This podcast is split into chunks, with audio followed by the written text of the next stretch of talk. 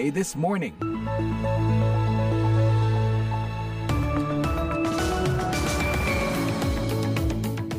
Hai, selamat pagi. Kembali bersama saya Shiram Sumolang di VOA This Morning, live dari Studio 17 VOA di Washington DC.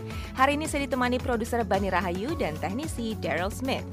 It's a beautiful day in the neighborhood, a beautiful day for a neighbor. Cuaca DC hari ini pas, ada sinar matahari tapi nggak terlalu panas, sempurna untuk bermain-main di taman. Gimana dengan pagi Anda? Semoga indah dan penuh semangat ya.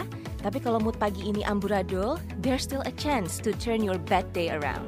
Selain menerima bahwa Anda sedang bad mood, psikolog menyarankan untuk mengingat hal-hal yang bisa Anda syukuri sekecil apa pun itu.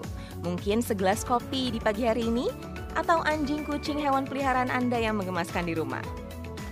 Trik ini untuk memindahkan fokus Anda dari hal yang menyebalkan tadi ke hal yang lebih positif. So, what can you be grateful for today? Anyways, redaksi VOA sudah menyiapkan beberapa berita menarik untuk Anda. Menu VOA This Morning episode Kamis 10 Mei 2023 ada kabar soal pertemuan Biden dan pihak Kongres yang membahas utang Amerika Serikat. I made clear during our meeting that default is not an option. I repeated that time and again. America is not a deadbeat nation. Kabar lainnya ada tentang Presiden Jokowi yang melontarkan kritik terhadap ASEAN. Dengan persatuan, ASEAN akan mampu menjadi pemain sentral dalam membawa perdamaian dan pertumbuhan. Pendengar, siaran ini juga bisa Anda simak secara live streaming di situs kami www.voaindonesia.com atau mampir ke podcast VOA This Morning di platform podcast langganan Anda. Sekarang, yuk kita simak berita dunia bersama Karlina Amkas.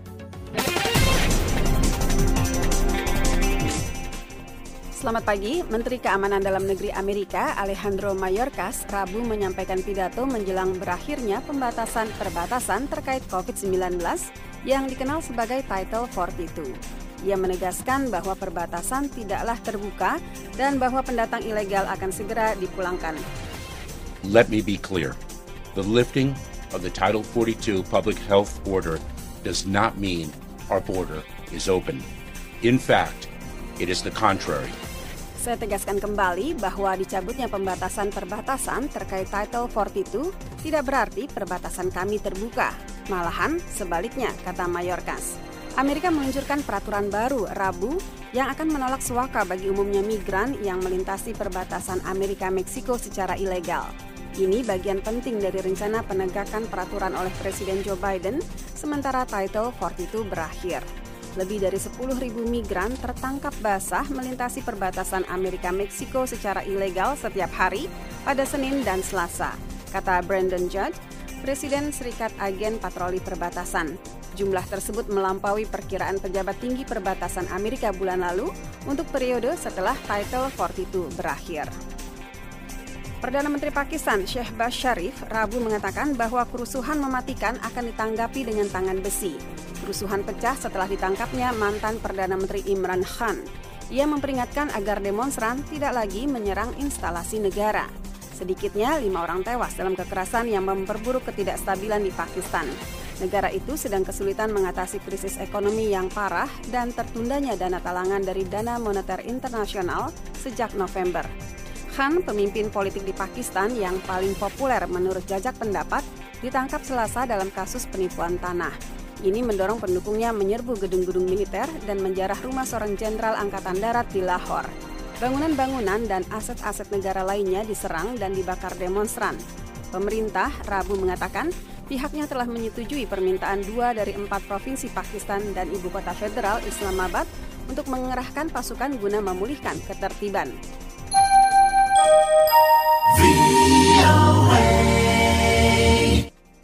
Jika dibiarkan Organisasi Kesehatan Dunia WHO memperingatkan virus hepatitis bisa membunuh lebih banyak orang pada 2040 daripada gabungan HIV, TB, dan malaria.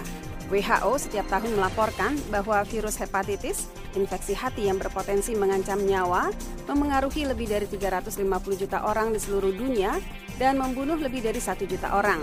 Sebagian besar penularan dan kematian, 90 persen, terjadi di negara-negara berpenghasilan rendah dan menengah. Meskipun ada obat untuk hepatitis C dan vaksin untuk hepatitis B, masih sangat sulit mewujudkan dunia yang bebas hepatitis. kata Oriel Fernandez, Direktur Senior Program Global Virus Hepatitis di Clinton Health Access Initiative atau CHAI. Hepatitis Fund dan CHAI pekan depan akan mengadakan konferensi donor pertama di Jenewa. Konferensi diharapkan bisa menggalang 150 juta dolar untuk membantu negara-negara yang berkomitmen memberantas virus hepatitis dan telah bertindak untuk menerapkan program-program untuk tujuan ini. Menurut panitia, Mesir, Indonesia, India, dan Vietnam termasuk negara-negara yang telah memulai proses ini. Hepatitis B menular melalui hubungan seks dan melalui kontak dengan darah, luka terbuka, atau cairan tubuh dari orang yang tertular penyakit tersebut.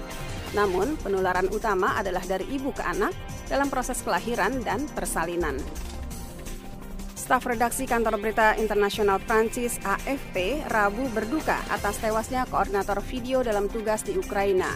Arman Soldin, usia 32 tahun, tewas selasa dalam serangan roket di dekat kota Bakhmut. Soldin bersama tim wartawan AFP sedang bepergian dengan tentara Ukraina ketika kelompok itu diserang roket Grad, kata kantor berita tersebut. Anggota tim AFP lainnya tidak terluka. Direktur berita AFP, Phil Chetwin, mengatakan, Arman was someone who was loved by his colleagues, who was incredibly committed to the story. And to lose him in these circumstances is incredibly painful for all of us. Kami tahu risikonya, kami menanggung risiko itu, dan selalu sangat sulit kalau sesuatu berjalan tidak seperti yang kami harapkan.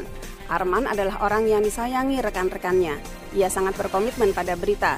Kehilangan dia dalam keadaan seperti ini sangat menyakitkan bagi kita.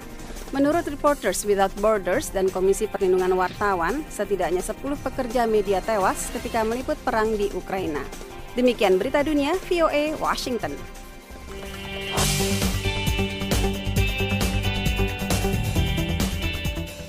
Masih di VOA This Morning, Presiden Joe Biden dan para pemimpin Kongres tidak mencapai kesepakatan selama pertemuan hari Selasa untuk menyelesaikan kebuntuan dalam menaikkan pagu dipinjam pemerintah untuk memenuhi kewajiban keuangannya jika tidak ada kesepakatan yang dicapai dalam beberapa minggu ke depan, Amerika Serikat akan mengalami one prestasi untuk pertama kalinya dalam sejarah, memicu gelombang kejutan finansial ke seluruh dunia.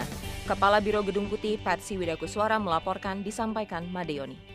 Presiden Joe Biden berusaha untuk menenangkan kegelisahan pasar global atas krisis yang membayangi beberapa minggu sebelum Amerika beresiko untuk pertama kalinya dalam sejarah gagal membayar utang-utangnya. Biden selasa sore bertemu dengan para pemimpin Kongres dalam upaya menyelesaikan kebuntuan selama berbulan-bulan untuk memastikan pemerintah bisa meminjam lebih banyak uang untuk membayar tagih-tagihannya. I made clear during our meeting that default is not an option.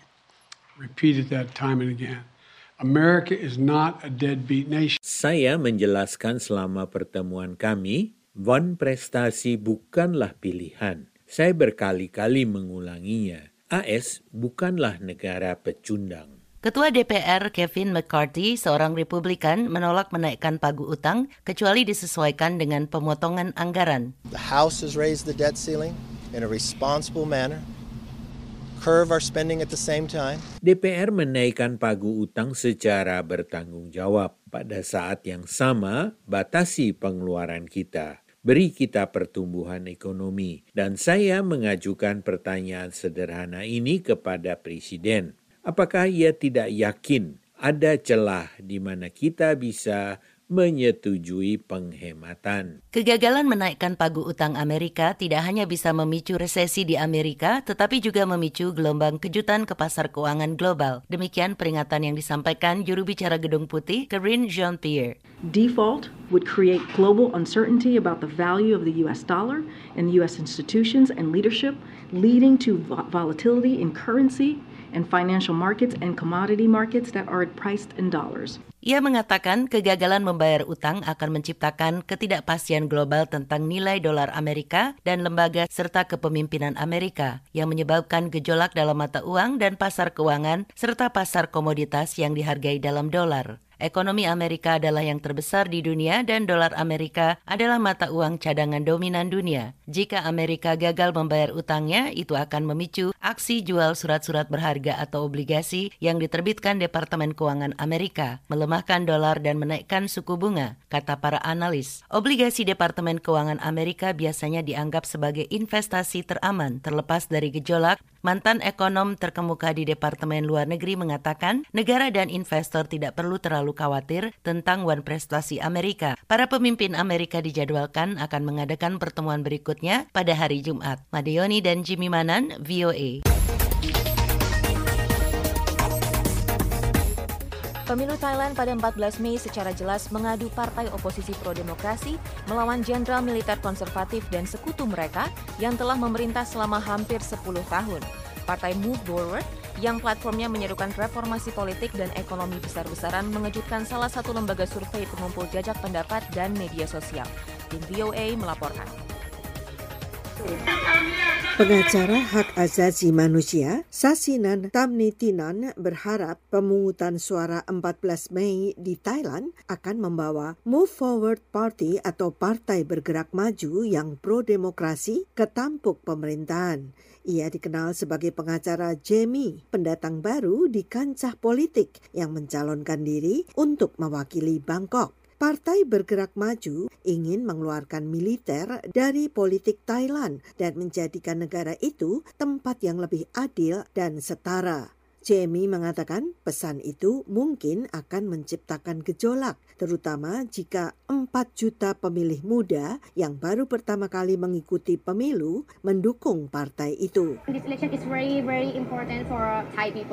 Pemilu ini sangat penting bagi rakyat Thailand. Saya harap akan mengubah negara dan politik di Thailand. Saya berharap 10 tahun ke depan anak-anak saya tumbuh dewasa di negara yang benar-benar demokrasi. Pada 2019, Partai Move Forward yang kemudian disebut Future Forward memperoleh 80 kursi di Majelis Nasional, menjadi saingan partai populis yang setia kepada mantan Perdana Menteri Taksin Sinawat. Namun agenda partai yang baru dan radikal untuk mematahkan monopoli bisnis, menyingkirkan militer dari politik, dan memperlemah hukum pencemaran nama baik kerajaan Thailand yang keras dan melindungi monarki dari semua kritik dipandang sebagai ancaman bagi para elit Thailand. Partai itu dibubarkan dan pemimpinnya, Thanathorn Juangrong Ruangkit, dilarang berperan dalam politik selama 10 tahun. Kemudian partai itu berganti nama menjadi Move Forward.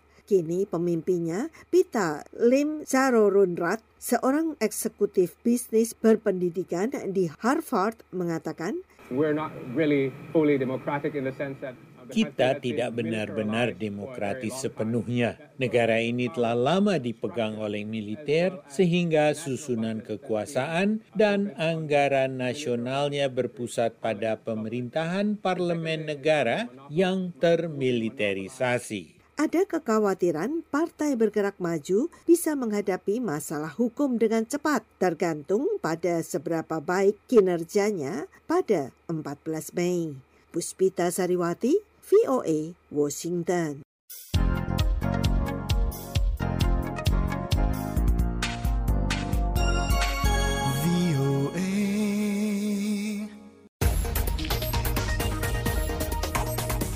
Konferensi tingkat tinggi atau KTT ASEAN ke-42 di Labuan Bajo, Manggarai Barat, Nusa Tenggara Timur, Rabu resmi dibuka oleh Presiden Joko Widodo. Di hadapan para pemimpin ASEAN, Jokowi bertanya, apakah negara-negara di kawasan ASEAN hanya bisa diam dan menjadi penonton pada saat ekonomi global belum sepenuhnya pulih dan rivalitas semakin tajam.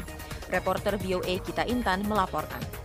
Ketika membuka KTT ASEAN ke-42, Presiden Jokowi kembali melontarkan pertanyaan lainnya, yakni apakah ASEAN akan mampu menjadi motor perdamaian dan pertumbuhan. Jokowi pun meyakini bahwa ASEAN bisa melakukan hal tersebut asalkan ada persatuan. Saya yakin kita semuanya percaya ASEAN bisa, asalkan satu kuncinya persatuan. Dengan persatuan, ASEAN akan mampu menjadi pemain sentral dalam membawa perdamaian dan pertumbuhan. Menurutnya ASEAN mempunyai aset kuat untuk bisa menjadi epicentrum of growth di mana ada pertumbuhan ekonomi yang tinggi di atas rata-rata dunia, bonus demografi, dan stabilitas kawasan yang cukup terjaga. Ekonom Indef, Eko Listianto menilai untuk ASEAN bisa menjadi epicentrum global butuh waktu panjang dan banyak tantangan yang harus dihadapi. Kalau arahnya menjadi epicentrum global memang itu masih panjang kayaknya ya. Karena kalau bicara soal ekonomi di ekonomi ya epicentrum pertumbuhan itu mensyaratkan epicentrum sektor keuangan juga gitu. Itu yang biasanya lebih sulit ya. Jadi oke okay, kita bisa menguasai semua sumber daya real gitu ya yang bisa kita ini kan kontribusikan bagi dunia itu mu lebih mungkin gitu ya. Tapi soal keuangan nah beda cerita. Yang menjelaskan memang berbagai sumber daya alam kerap dikuasai oleh negara di ASEAN seperti lumbung pangan yakni beras yang ada di Thailand dan Vietnam. Selain itu, lumbung CPO juga berada di Indonesia dan Malaysia. Dia mengatakan untuk bisa menjadi epicentrum of growth, bukan hanya sekedar menjadi penghasil saja, namun harus bisa menjadi pendaya guna dari sumber daya alam tersebut yang sejauh ini tetap ada di negara maju. Menurut Eko, untuk memastikan ASEAN bisa menjadi epicentrum of growth, butuh dua aspek. Pertama, mengoptimalkan sumber daya manusia di ASEAN yang muda agar bisa mempunyai competitiveness yang cukup baik. Kedua lanjutnya terkait konektivitas yang menurutnya masih jauh dari negara-negara maju. Selain itu, yang tidak kalah pentingnya menurut Eko adalah digitalisasi perekonomian yang perlu kembali diperkuat terutama antar negara di kawasan ASEAN. Dari Jakarta, kita Intan melaporkan untuk VOA Washington.